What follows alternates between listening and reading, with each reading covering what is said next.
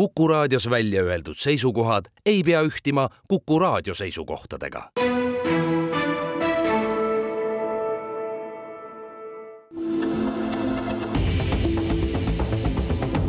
kahevahel. kahevahel. tere ajakirjanikud Timo Tarve, Ainar Ruussaar alustamas iga reedest vestlussaadet Kahe vahel ja meie vahel Kuku raadio otsestuudios on Eesti õigus- ja riigiteadlane Jüri Raidla, tere! tere päevast! Jüri Raidla oli taasiseseisvunud Eesti esimene justiitsminister aastatel üheksakümmend kuni üheksakümmend kaks, Põhiseaduse Assamblee ekspertkomisjoni juht ja hiljem Põhiseaduse ekspertkomisjoni liige siis aastatel üheksakümmend üks, üheksakümmend kaks, üheksakümmend seitse, üheksakümmend üheksa ja Eesti Vabariigi sajandaks sünnipäevaks, vähemalt nii ma olen aru saanud, tegi Jüri Raidla juhitud töörühm Eestile kingituse, koostas põhjaliku riigireformi kava. Jüri, ma nüüd lähen emotsionaalseks. meie riigi institutsioonide omavahelised suhted on halvad. peaminister ja tema lähikondlased on võtnud sihiks rünnata presidendi institutsiooni ja valitsuskoalitsioon mitte millekski pidada parlamenti ja tema otsustusõigust. president omakorda on õigusega pahane mõlema peale. riigikontrolör ja õiguskantsler on ette heitnud seadusloomet ja meie riigi vahendite kasutamist ja kodanike suhtumist, need etteheited on olnud aastaid samad kui me nüüd emotsioonid kõrvale jätame, siis kas te näete siin viltu minekuid ka õiguslikes aktides, mis on taoliste suheteni viinud? ma usun, et õiguslikes aktides täitsa siiralt probleemi ei ole. Äh, õiguslikud aktid alates põhiseadusest on loonud äh, piisavad tasakaalumehhanismid erinevate võimuharude vahel. see, mis praegu toimumas on, on mõnes mõttes komberuumi kriis ja ka poliitilise kultuuri kriis sealhulgas õigusaktidega ei ole võimalik ette kirjutada suhtlemisstiili, suhtlemismalli ülimalt suures ulatuses, mis see, mis on praegu toimunud kahetsusväärsel kombel, on seotud sellega, et äh, et inimesed ei oska poliitikutena omavahel piisavalt korrektselt käituda. ma isegi ei tea, kus selle sellise konflikti juured on võimalik, et need konfliktid on praegu süvenenud suurel määral ka seetõttu, et valimistulemused olid äh, Reformierakonna jaoks väga võimsad ja mõnede erakondade jaoks äh, väga nigelad.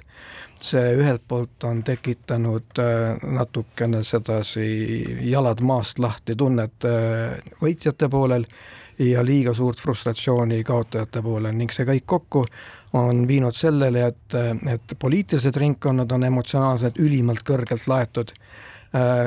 Toompeal ei ole ju mingi saladus praegu valitseb suur sallimatus, sallimatus vihkamise su-, sugemetega sealjuures ja seejuures sallivud, sallimatus praktiliselt kõikides suundades, kõikide suhtes ja kõikide inimeste vahel ka poliitikutena ja see ongi praegu see põhiline probleem. arvata, et, et õigus suudab äh, reguleerida suhtlemiskultuuri, oleks liialt äh, ennatlik. õiguskantsler Ülle Madise on viidanud äh, ka sellele, et parlament on väga palju ise oma võimu käest andnud või on seda ametnikud nende käest võtnud ja Eesti riiki juhitakse suuresti määruste ja aktidega, millele te ka viitasite. Nendel määrustel ja aktidel siis ei tohiks olla sellist jõudu, nagu ta, neil aeg-ajalt on või? see õiguskantsleri kriitiline mõte on väga-väga põhjendatud. ja nüüd tekib küsimus, miks siis on parlament praktiliselt ise noh, taandanud ennast suhteliselt teisejärgulisse rolli ja siin ma julgen väita, et äh, probleemi juured on äh, mitte niivõrd parlamendis, kuivõrd äh, kõikides kahe tuhandendal aastal valitsenud valitsustes. mida me näeme, me oleme millegipärast sattunud olukorda, kus peetakse ministrite puhul silmas seda, et nad peaksid olema suurepärased poliitikud ja generalistid, aga suhteliselt tagasihoidlikult tundma oma valdkonda. kuhu see välja viib? Kui minister läheb ametisse ja oma valdkonda tunneb vähe või vaata, et võib-olla ta ei tunne üldse, siis mis on väljapääs? väljapääs on see, et, et ametnikud teevad praktiliselt ära kogu töö ja sealhulgas mitte ainult poliitiliste suuniste realiseerimise, vaid nad võtavad enda kätte ka otsustusrolli, sest keegi ju lõppkokkuvõttes peab otsustama ja siis ma tahan tulla selles esimese fundamentaalse teema juurde, see on tipptasemel riigi juhtimise kvaliteet. Kui meil oli töö Riigireformi Sihtasutuses me pakkusime välja suhteliselt julge meetodi selle kvaliteedi parandamiseks ilma, et peaks põhiseadust muutma.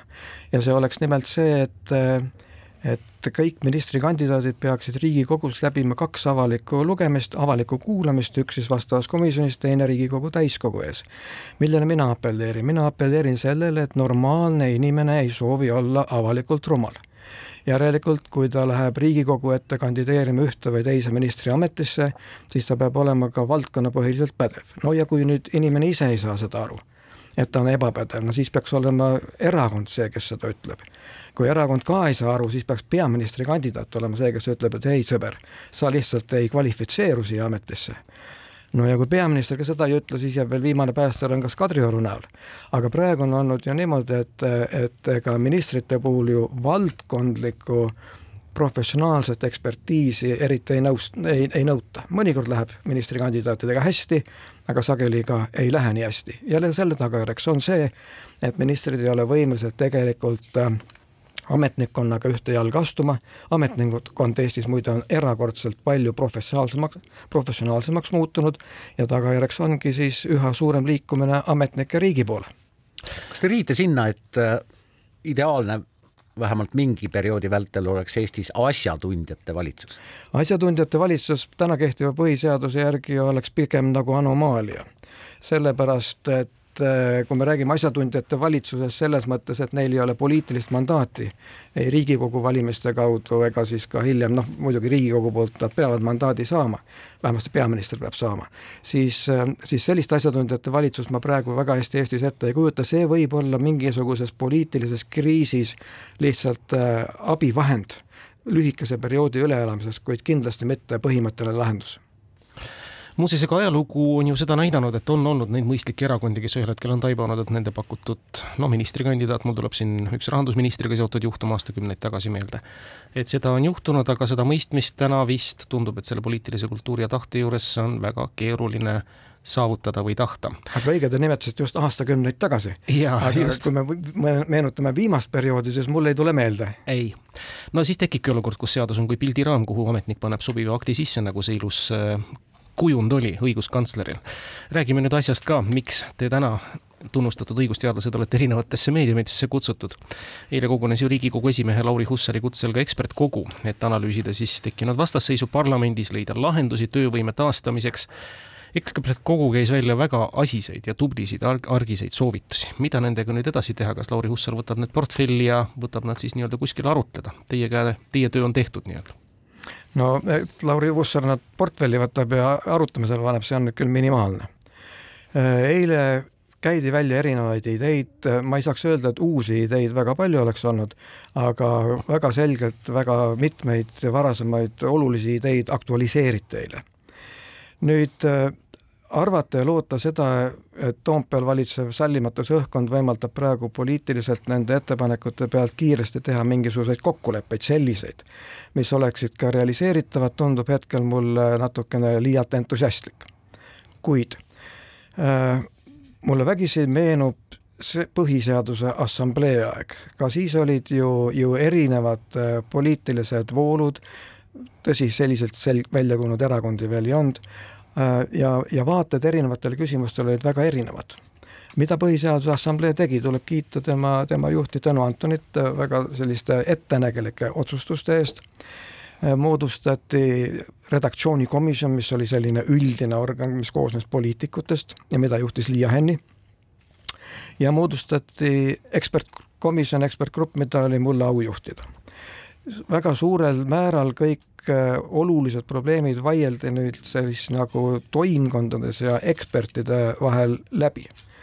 ja, ja ma arvan, et äh, eksperdid said loomulikult oma seisukohtade eest ka tugevasti kritiseeritud, kuid me mõistsime, et see on üldise progressi nimel tarvilik ja, ja, ja kannatasime selle kenasti välja. aga tulemuseks oli see, et, et sündis selline eelnõu, mis oli võimalik mis oli võimeline saavutama kokkuleppe erinevate poliitiliste jõudude vahel. ehk mina soovitaksin Lauri Hussaril nüüd teha üks selline järgmine käik ja sarnaselt sellele, mis tehti Põhiseaduse Assamblee ajal äh, kutsuda, kõigepealt panna kokku erinevate fraktsioonide esindajatest nii-öelda poliitikutest töögrupp ja sinna kõrvale moodustada ekspertgrupp ja panna see grupp, need kaks gruppi tegelikult paralleelselt ja teineteisega koos, no ma arvan, kuskil aastaks ajaks äh, tööle ma usun, et siis on võimalik välja töötada selline kompromisslik ette, ettepanek, mis mõlemale poolele, nii koalitsioonile kui opositsioonile annab midagi, kuid kummalegi ei anna kõike.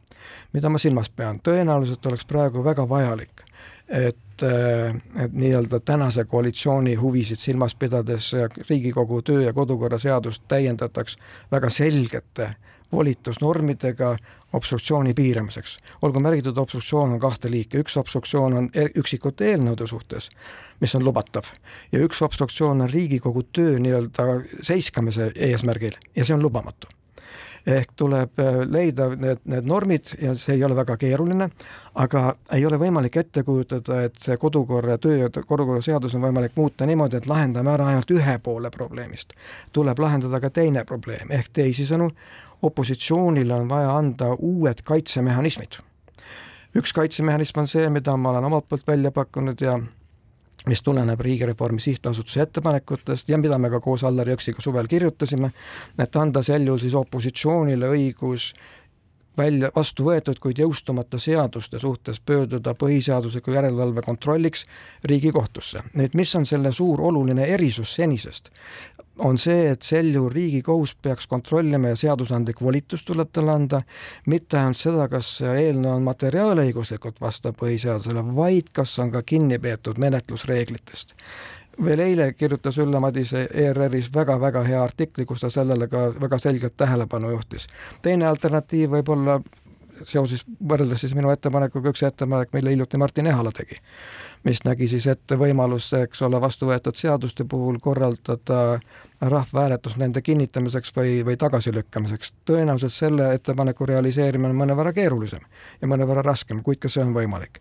selline sarnane pakett tuleb laua peale panna, mitte eraldi vaid just nimelt koos. et koalitsioon näeb seda, et seal on nende jaoks nii-öelda olemas mehhanism ja et opositsioon näeb, et nende jaoks on olemas kaitse.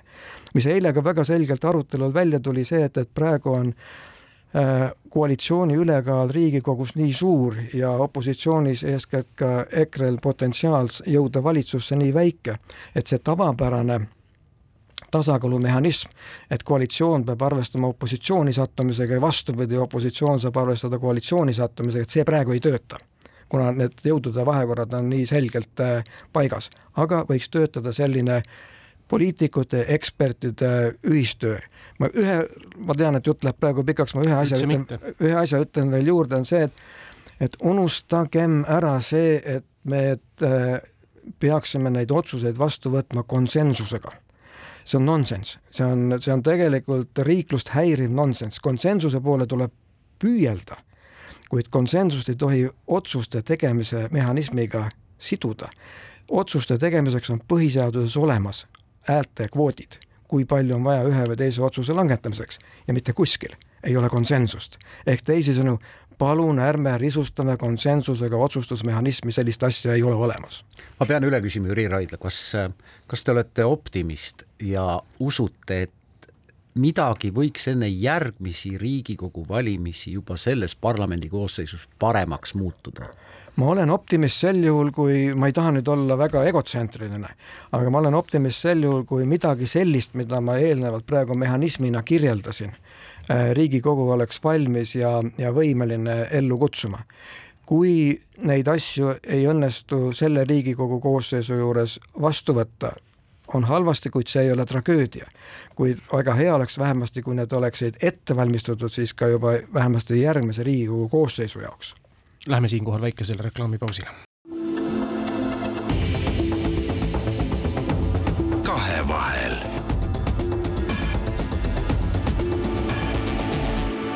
Kahevahel. saade Kahe vahele ehk tänases kontekstis Riigiremondi Töökoda jätkab. Õigus- ja riigiteadlane vandeadvokaat Jüri Raidla on meie külaline ja headeks sanitarideks küsijateks saatejuhid Ainar Ruussaar ja Timo Torve. üks kuuest põhiseaduslikust institutsioonist ehk Riigikohus tegi subjektiivse arvamuse kohaselt üsna tavatu otsuse tänavu kevadel. see polnudki nagu otsus, vaid pigemini nagu manitsus ehk opositsiooni kevadine kaebuski Riigikogu juhatus otsustas obstruktsiooni jõuliselt lõpetada. riigikohus ei andnud opositsioonile õigust ja hoopistükkis andis vastu näppu opositsioonile, öeldes, et teil ei ole ka õigust kuritarvitada Riigikogu töö ja kodukorra seadust mõte oli õige, aga Riigikohtu positsioon oli nagu huvitav või see väljenduslaad. kas kohus on nüüd ka poliitilises, selles poliitilises seisus täitsa uudses olukorras? ei ole uues olukorras, sellepärast et ega põhiseadusliku järelevalve on teatavas ulatuses, kuna see on õiguslikus mõttes kõige abstraktsem vaidluse ja väitluse liik üldse, siis ühel või teisel viisil alati nendest otsustest kumavad läbi seisukohad, mida erinevad poliitikud võivad poliitilisena interpreteerida. aga see ei tähenda seda, et see oleks tegemist poliitilise otsusega. nüüd Riigikohtu otsuse puhul tuleb veel tähele panna ühte teist asja, ega Riigikohtu otsus ei olnud veel mingisuguse lõpliku tõe kuulutus. kuigi ta võiks olla, aga ta ei olnud seda. ja, ja sel väga lihtsal põhjusel, et ega Riigikohus lähtub ka sellest, et parlamendi töökorraldus peab lõppkokkuvõttes ikkagi olema parlamendi enda poolt otsustatud. Äh, riigikohus saab olla siin mõnes mõttes vaid selliseks arbiitriks ja, ja abimeheks.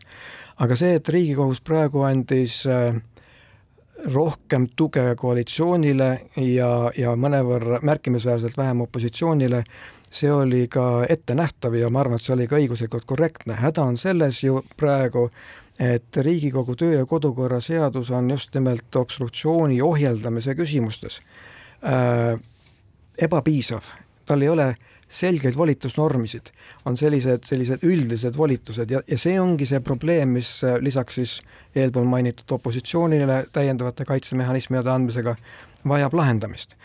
ja, ja reguleerimist Riigikogu enda poolt ja selles mõttes, et Riigikohtu otsus oli, ma ütleksin, professionaalselt ja ka, ja kui keegi soovib kasutada sõna poliitiliselt, väga ettenägelik. selles osas just nimelt, et ta ei püüdnudki praegu olemasolevas olukorras kõiki küsimusi justkui ära lahendada. aga põhiseaduslik järelevalve, kuna ta on abstraktne, siis ta alati omab oma poliitilist elementi. poliitiline element ei tähenda erakondlikku elementi riigikohtunikud on inimesed, samamoodi me nagu kõik. meil kõigil on teatavad arusaamised erinevatest poliitilistest protsessidest tavalises menetluses ei oma need arusaamised olulist tähendust. põhiseadusliku järelevalve menetluses nad omavad teatavat tähendust. Äh, samas, kui lugeda äh, parlamendi stenogramme, istungite stenogramme või, või, või jälgida parlamendi või komisjonide avalikke istungeid, siis päris tihti kasutavad meie poliitikud väljendit põhiseaduslik kriis. no Eesti on tegelikult ju silmapaistev erand, meil ei ole olnud ühtegi põhiseaduslikku kriisi või ma mäletan valesti Te mäletate täiesti õigust, õigesti, aga ma, ma jätan ikkagi endale õiguse see, see, see sõnastuslik õiendus siinkohal ära teha, et põhiseaduslikku kriisi ei ole olemas. põhimõtteliselt üldse ei ole olemas.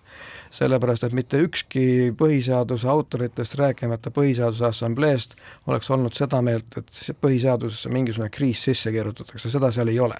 järelikult, kui on tegemist kriisidega siis on tegemist just nimelt ebapõhiseaduslike asjadega ja on tegemist põhiseaduse kriisidega. aga see on tõsi, põhiseaduse kriisi meil ei ole selle kolmekümne aasta jooksul olnud ja see on tegelikult suur tunnustus Põhiseaduse Assambleele ja tema poolt vastu võetud põhiseadusele lõppkokkuvõttes rahvale, kes üle üheksakümneprotsendilise toetusega selle põhiseadusega vastu võttis. põhiseadus ei ole mitte midagi muud kui ühiskondlik kokkulepe ja sellisena ta sündis üheksakümmend kaks. Jüri, räägime veel ühest põhiseaduslikust institutsioonist, milleks on Vabariigi President. aeg-ajalt on üles kerkinud mõtteid eh, presidendi amet ühildada nii-öelda täitevvõimu ametiga ehk siis peaministri ametiga, funktsioonid anda lihtsalt talle peaministrile üle ja nagu on heidetud ka praegusele presidendile juba ette, ka eelnevatele, võib-olla Arnold Rüütile vähem kui teistele, eh, liigset sekkumist eh, päevapoliitikasse, mida ei tohiks endale Vabariigi President justkui lubada. ma ei oska seisukohta kujundada, et mis on liigne sekkumine ja mis ei ole, sest midagi peab ju president tegema ikkagi riigi heaks, ta peab seadusi välja kuulutama näiteks, tema peab valitsusametisse nimetama, tal on see voli ja õigus. on meil siis presidenti vaja või ei ole? ma arvan, et meil on presidenti vaja juba sellepärast, et Eesti rahvas kummalistel põhjustel seda institutsiooni armastab. ja sõltumata sellest, kes seal parasjagu ametis on. Äh, see on esimene põhjus ja, ja seda põhjust ei ole mõtet äh, noh, naeruvääristada, see on oluline, kui rahva üldine psühholoogiline mentaliteet on selline, siis seda tuleb järgida. seda esiteks, teiseks mulle tundub niimoodi, et äh, presidentide poolt nii-öelda liigset päevapoliitikasse sekkumist küll ei ole olnud, ei president Karise poolt ega ka mitte president Ilvese poolt. miks ma nii ütlen? presidendi võimutäius Eesti Vabariigi põhiseaduse, põhiseaduse järgi on väga tagasihoidlik. see pädevuskataloog on tegelikult väga tagasihoidlik võimu seisukohalt, kuid president on põhiseaduse mõtte järgi sõnumi looja ja sõnumi tooja. ja kui president tunnetab, et kuskil meie igapäevases poliitilises praktikas hakkab midagi viltu minema, siis ei ole mitte see tema õigus, vaid tema kohustus sellistele asjadele tähelepanu juhtida.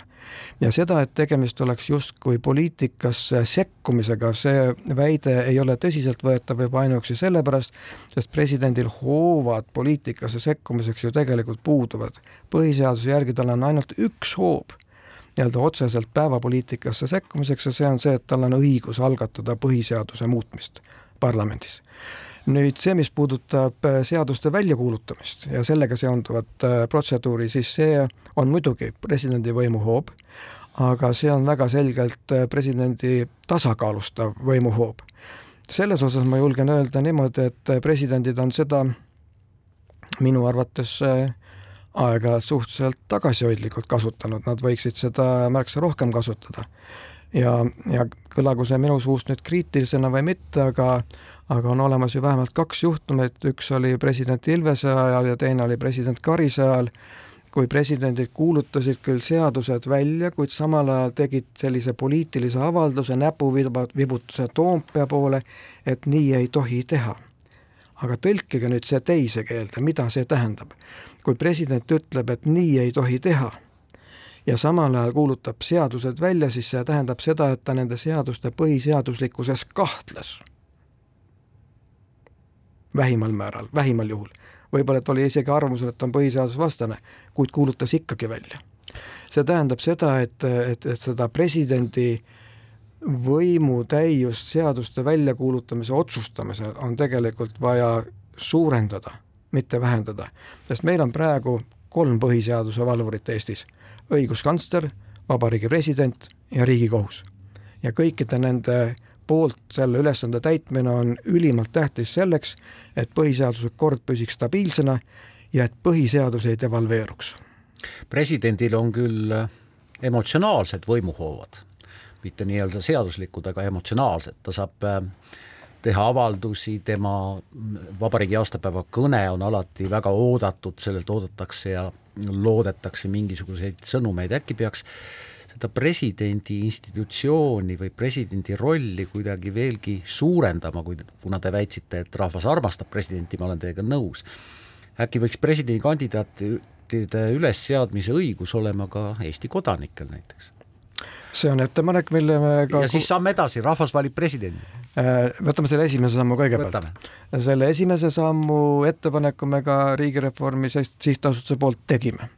ja, ja selle asja mõte ongi see, et, et tuua üks institutsioon rahvale lähemale, praegu on meil ju, ju tegelikult põhiseaduses ainult kaks meetodit, millega rahvas saab siis otsevõimu teostada, eks ole, Riigikogu valimised ja rahvahääletused, rahvahääletused on ju erakordselt vähe meil korraldatud.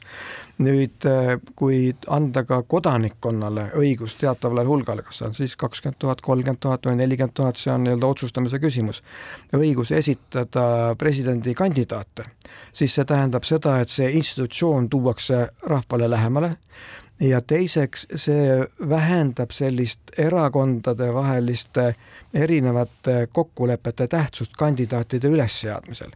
ja edasi läheb protseduur juba tavapäraselt, muidugi seda protseduuri presidendivalimistel tuleb ka sel juhul täiendada ja täiustada selleks, et need debattide ajad oleksid pikemad ja selleks, et ka teatavas situatsioonis üleöö kandidaate juurde tekkida ei saaks nüüd, mis puudutab presidendi otsevalimist, presidendi otsevalimise suhtes põhiseaduse assamblee ajal minu poolt juhitud ekspertgrupp tegi ju, ju eelnõu ja seal oli ette nähtud presidendi otsevalimine. viimane kord, kui ma presidendi otsevalimist toetasin, oli siis, kui president Lennart Meri viimasel nii-öelda või eelviimasel ametipäeval esitas selle eelnõu eh, Riigikogule ma olin president Lennart Meriga väga tihedas kontaktis ka, ka isiklikult ja tookord ka, ka presidendile ütlesin, et et, et, et ma, mina, ma ei tegelenud selle eelnõu kirjutamisega tollal, aga ma ütlesin presidendile niimoodi, et, et, et härra president, ma ei saa tegelikult seda otsevalimist enam toetada. ja ta küsis mu käest ka miks ja see vastus on siiamaale sama. Äh, kui me praegu viiksime sisse presidendi otsevalimise äh, praegu kehtiva põhiseaduse järgi, kus siis presidendil on ette nähtud väga selgelt tagasihoidlik äh, võimupädevus, siis tekib mandaadi tugevuse ja võimupädevuse vahel suur konflikt. Aga seda, et me hakkaksime lahti arutama nii-öelda erinevate põhiseadusega institutsioonide vahelist võimude lahususe ja tasakaalu mehhanismi, vot seda soovitust ma kohe mitte mingil juhul ei tee, sellepärast et see on meil praegu päris hästi paigas ja selle lahti harutamine tekitaks väga suure uue ebastabiilsuse, nii et minu seisukoht on selge. otsevalimistele ei, kandidaatide ülesseadmisele jah. teeme siin väikese pausi ja siis jätkame.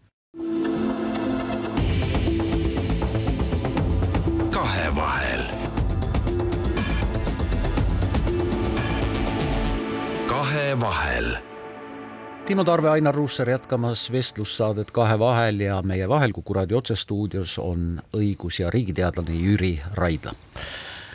hea Jüri, oleme täheldanud midagi huvitavat meie riigielu korralduses ja seadusloomes no me laias laastus teame, kuidas seadused sünnivad, keegi teeb seaduseelnõu ettepaneku tulenevalt vajadusest, see võib olla ka rahvas, väga kiidame, tuhat allkirja või nüüd vist juba viissada.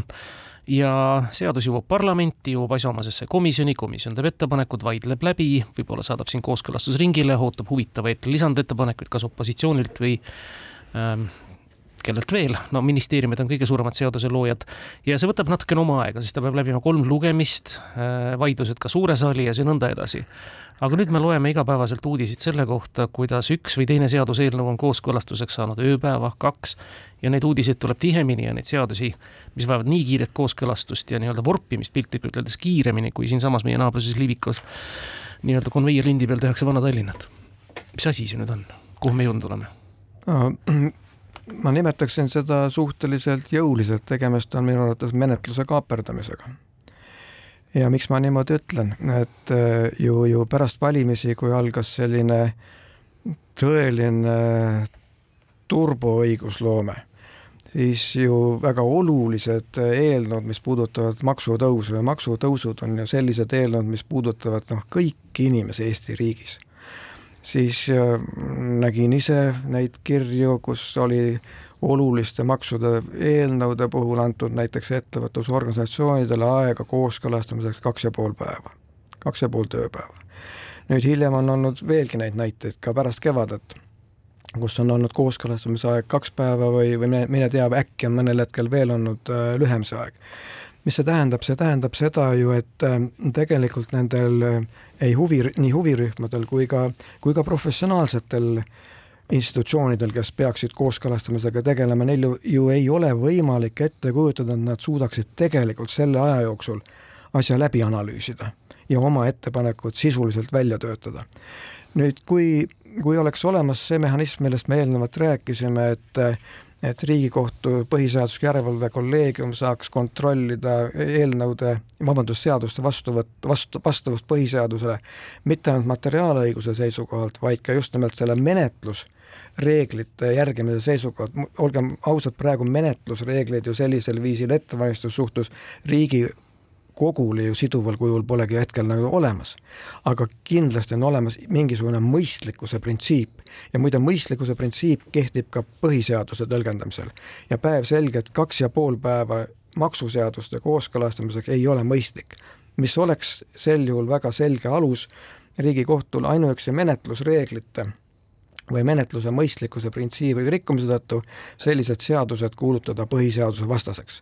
kui see mehhanism oleks olemas, siis äh, see omaks väga olulist heidutustähendust ja preventiivset tähendust, ma kujutan ette, et võib-olla sel juhul taolisi kaebusi, mis Riigikohtus edukaks osutuksid, väga palju ei tulekski üldse sel põhjusel, et kõik teavad, et juhul, kui ebamõistlikult midagi menetletakse, siis Riigikohus lihtsalt sel põhjusel tunnistab selle seaduse lõpuks põhiseaduse vastaseks härra Raidla, mulle jäi natuke segaseks, kes ja kuidas peaks selle piiri mõistusliku ja ebamõistusliku vahel tõmbama, et et noh, nii palju kui on inimesi, nii palju võib olla ka arvamusi, et minu meelest on see mõistlik, minu meelest on teine mõistlik lõppkokkuvõttes Eestis on ainult üks organ, kes saab öelda, mis on mõistlik ja mis ei ole mõistlik õigusküsimustes ja see on Riigikohus. aga kuskil on olemas nii-öelda loomupärane mõistlikkus, eks ole. Nimetame seda siis kas või talupojatarkuseks veel korra. kui maksuseaduse kooskõlastust nõutakse kahe ja poole päeva jooksul, siis ei pea olema õigusteaduslik geenius, et mõista, et see on ebamõistlik kas olete täheldanud ka suisa sellist praaki, et isegi elementaarne mõjuanalüüs on tegemata kõikidel seaduseelnõudel? jah, olen loomulikult seda täheldanud, pealkirja järgi on kindlasti alati, alati mingi mõjuanalüüs olemas.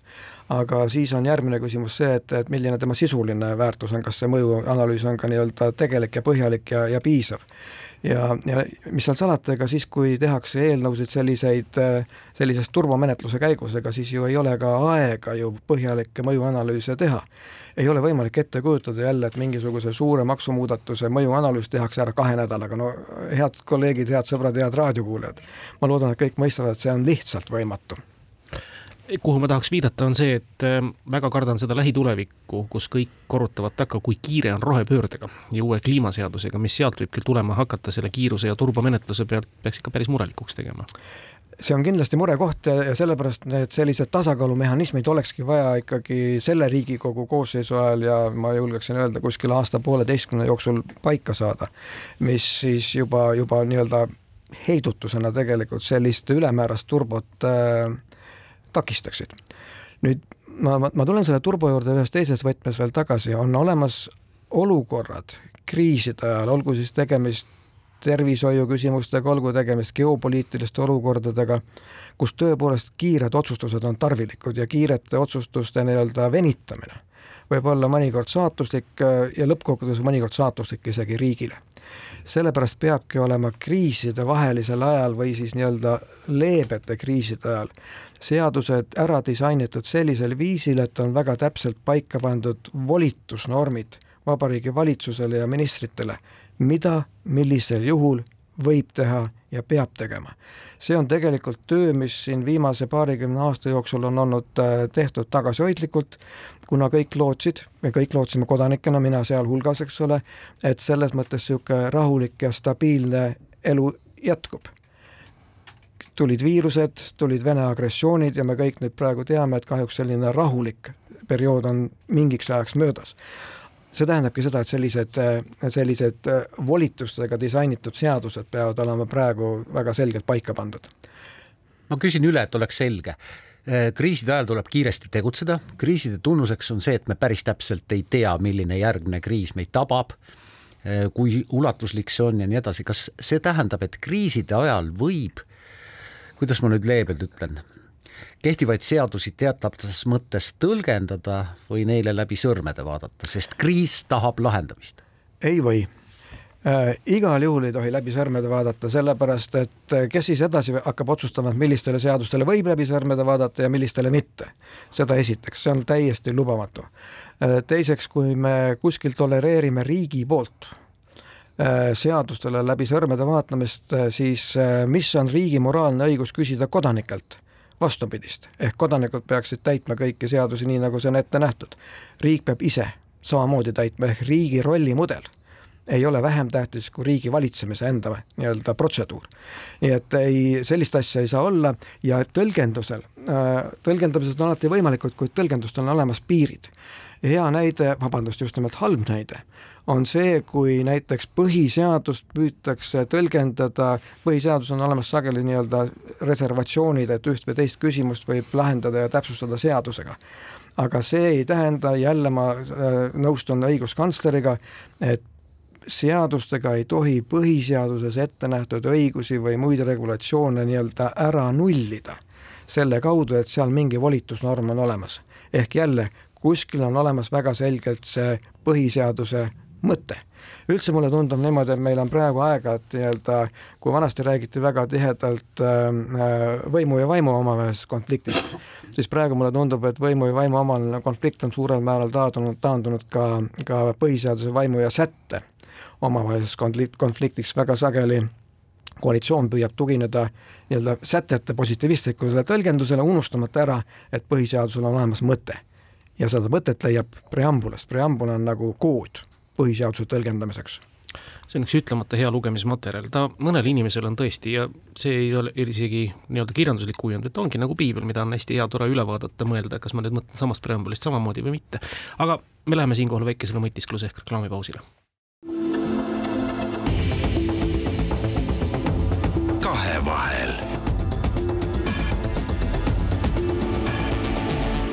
kahevahel. saade kohe vahel, viimases veerandis kümmekond minutit on jäänud aega veel riiki parandada. üheskoos Eesti õigus- ja riigiteadlase Jüri Raidlaga, lugupeetud vandeadvokaadiga, küsivad Ainar Ruussaar ja Timo Torve. poliitikud ja ajakirjanikud seisavad tavapäraselt jõe erinevatel kallastel ja peavadki seisma. aga ühes asjas on nad ühel kaldal. Neile meeldib rääkida liiga suurest halduskoormusest, neile meeldib rääkida liiga vohavast bürokraatiast ähm,, aga Jüri Raidla, riiki ei saa ju lõputult õhemaks ja efektiivsemaks timmida, ma olen naiivne inimene, ma tunnistan seda, riiki saab ainult paremaks teha. riigi õhemaks tegemine pole riigireformi eesmärk mitte kunagi olnud, kuigi väga sageli riigireformi oponendid tahavad taandada sellele, et noh, et, et ega teil ju muud ideed ei ole, kui ametnikke koondada. Et õhemaks tegemine ei ole üldse eesmärk omaette, eesmärk on igal juhul riigi tegemine efektiivsemaks ja sel väga lihtsal põhjusel, et erinevate rahvastiku arengu prognooside kohaselt me ei tea, kui suur üldse Eesti rahvastiku arv aastal kaks tuhat ükssada on. ühe prognoosi järgi on see ainult kaheksakümmend tuhat inimest, vabandust, kaheksasada tuhat inimest ja kujutada ette, et me siis suudame materiaalselt sama kallilt oma riiki üleval pidada ja mitte ainult üleval pidada, vaid teda ka arendada, no on lihtsalt äh, ebatõenäoline samas tuleb ka kindlasti olla seda meelt, et ei ole võimalik ette kujutada, et pidevalt on võimalik tulevikus nii-öelda riigi paremaks tegemist saavutada läbi maksude tõstmise. selle tagajärjeks on ühiskonna väljakurnamine, ühiskonna frustratsioon ja tulemuseks on võib-olla protsessid, mida mitte keegi Eesti riigis näha ei taha, järelikult riigi efektiivsemaks tegemine on, on selgelt nagu riigireformi eesmärk. nüüd riigireformi kui sellist pole ju praegu veel alustatudki.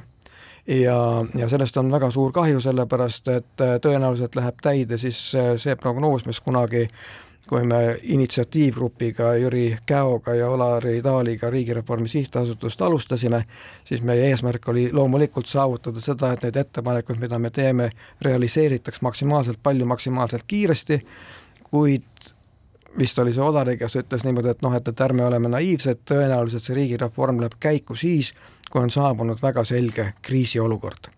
praegu on selles mõttes see kriisiolukord saabunud, meil on olemas poliitilised probleemid parlamendis, eks ole, parlamentarismi tasemel, ja meil on olemas väga selged majandusprobleemid, mis tähendab seda, et need meetmed ja need meetodid, kuidas riiki odavamalt üleval pidada, samas kvaliteedis järele andmata, on praegu muutunud aktuaalsemaks kui kunagi varem.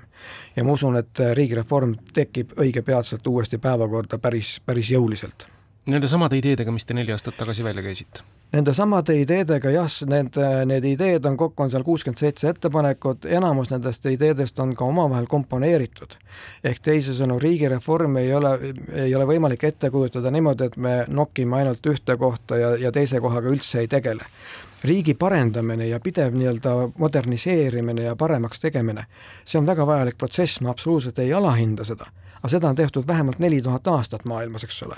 ja loodetavasti tehakse veel järgmised neli tuhat aastat. kui me tahame rääkida reformist, siis see reform on kompaktne, kompleksne ja ta on nii-öelda omavahel seotud protsessidest üles ehitatud.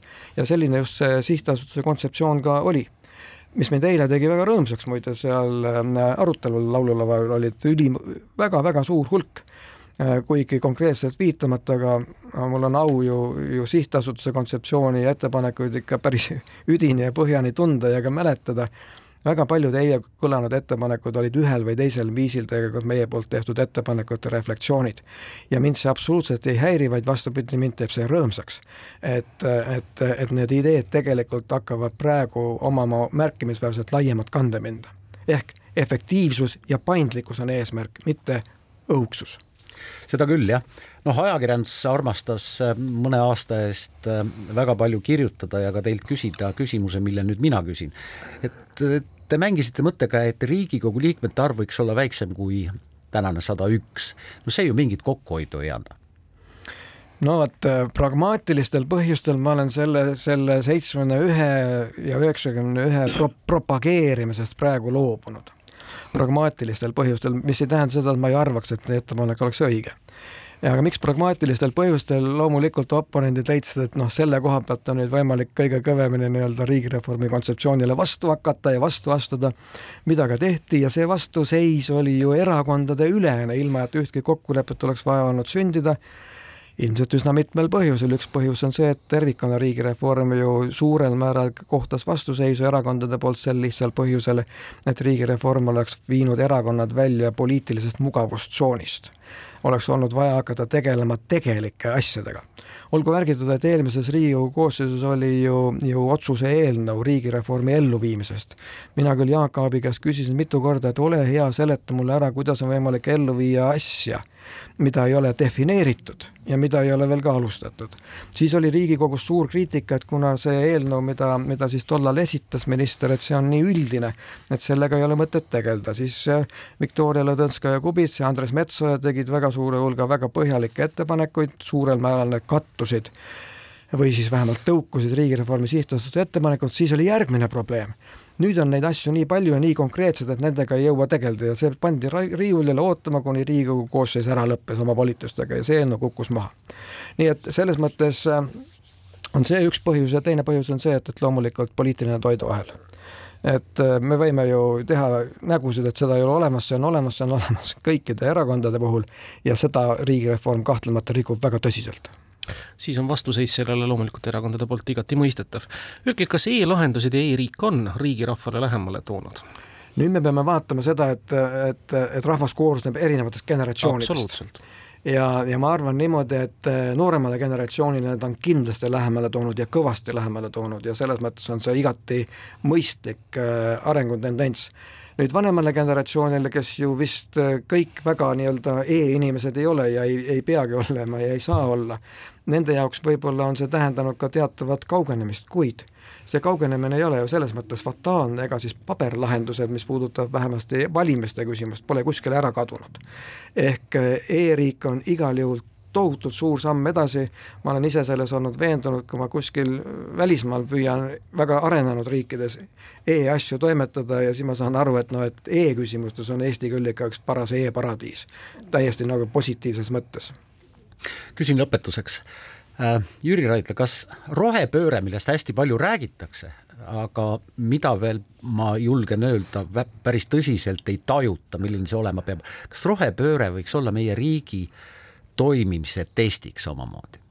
tähendab, test on ta kindlasti, kuid ma ei arva seda, et ta on riigi toimimise test, tähendab, ma arvan, et riik toimib äh, nii rohepöördega kui ilma selleta.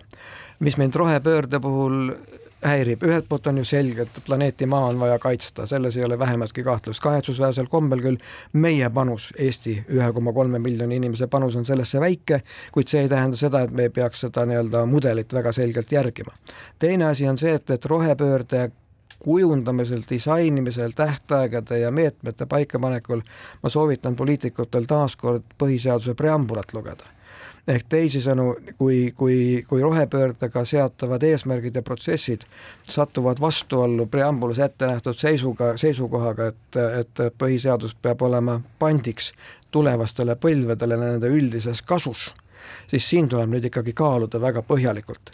ja, ja neid riske tuleb väga põhjalikult kaaluda, mulle tundub, et selle rohepöörde ümber on olnud sellist entusiastlikku poliitilist retoorikat rohkem kui tegelikult läbitöötatud prognoose ja, ja lahendusi. ja ärgem unustagem, et rohepöördel on väga tugev geopoliitiline element, mida tuleb silmas pidada ja ma pean silmas praegusel juhul siin Hiinat ja Taiwan'i suur tänu teile, hea Jüri Raidla, jätkuvalt Eesti riigi heaks kaasa mõtlemast ja töötamast, ettepanekuid tegemast, suur tänu teile ka selle tunni eest, mille te saatejuhtidele ja Kuku kuulajatele eraldasite, edu, jõudu! aitäh võimaluse eest, tänan! Kahevahel. kahevahel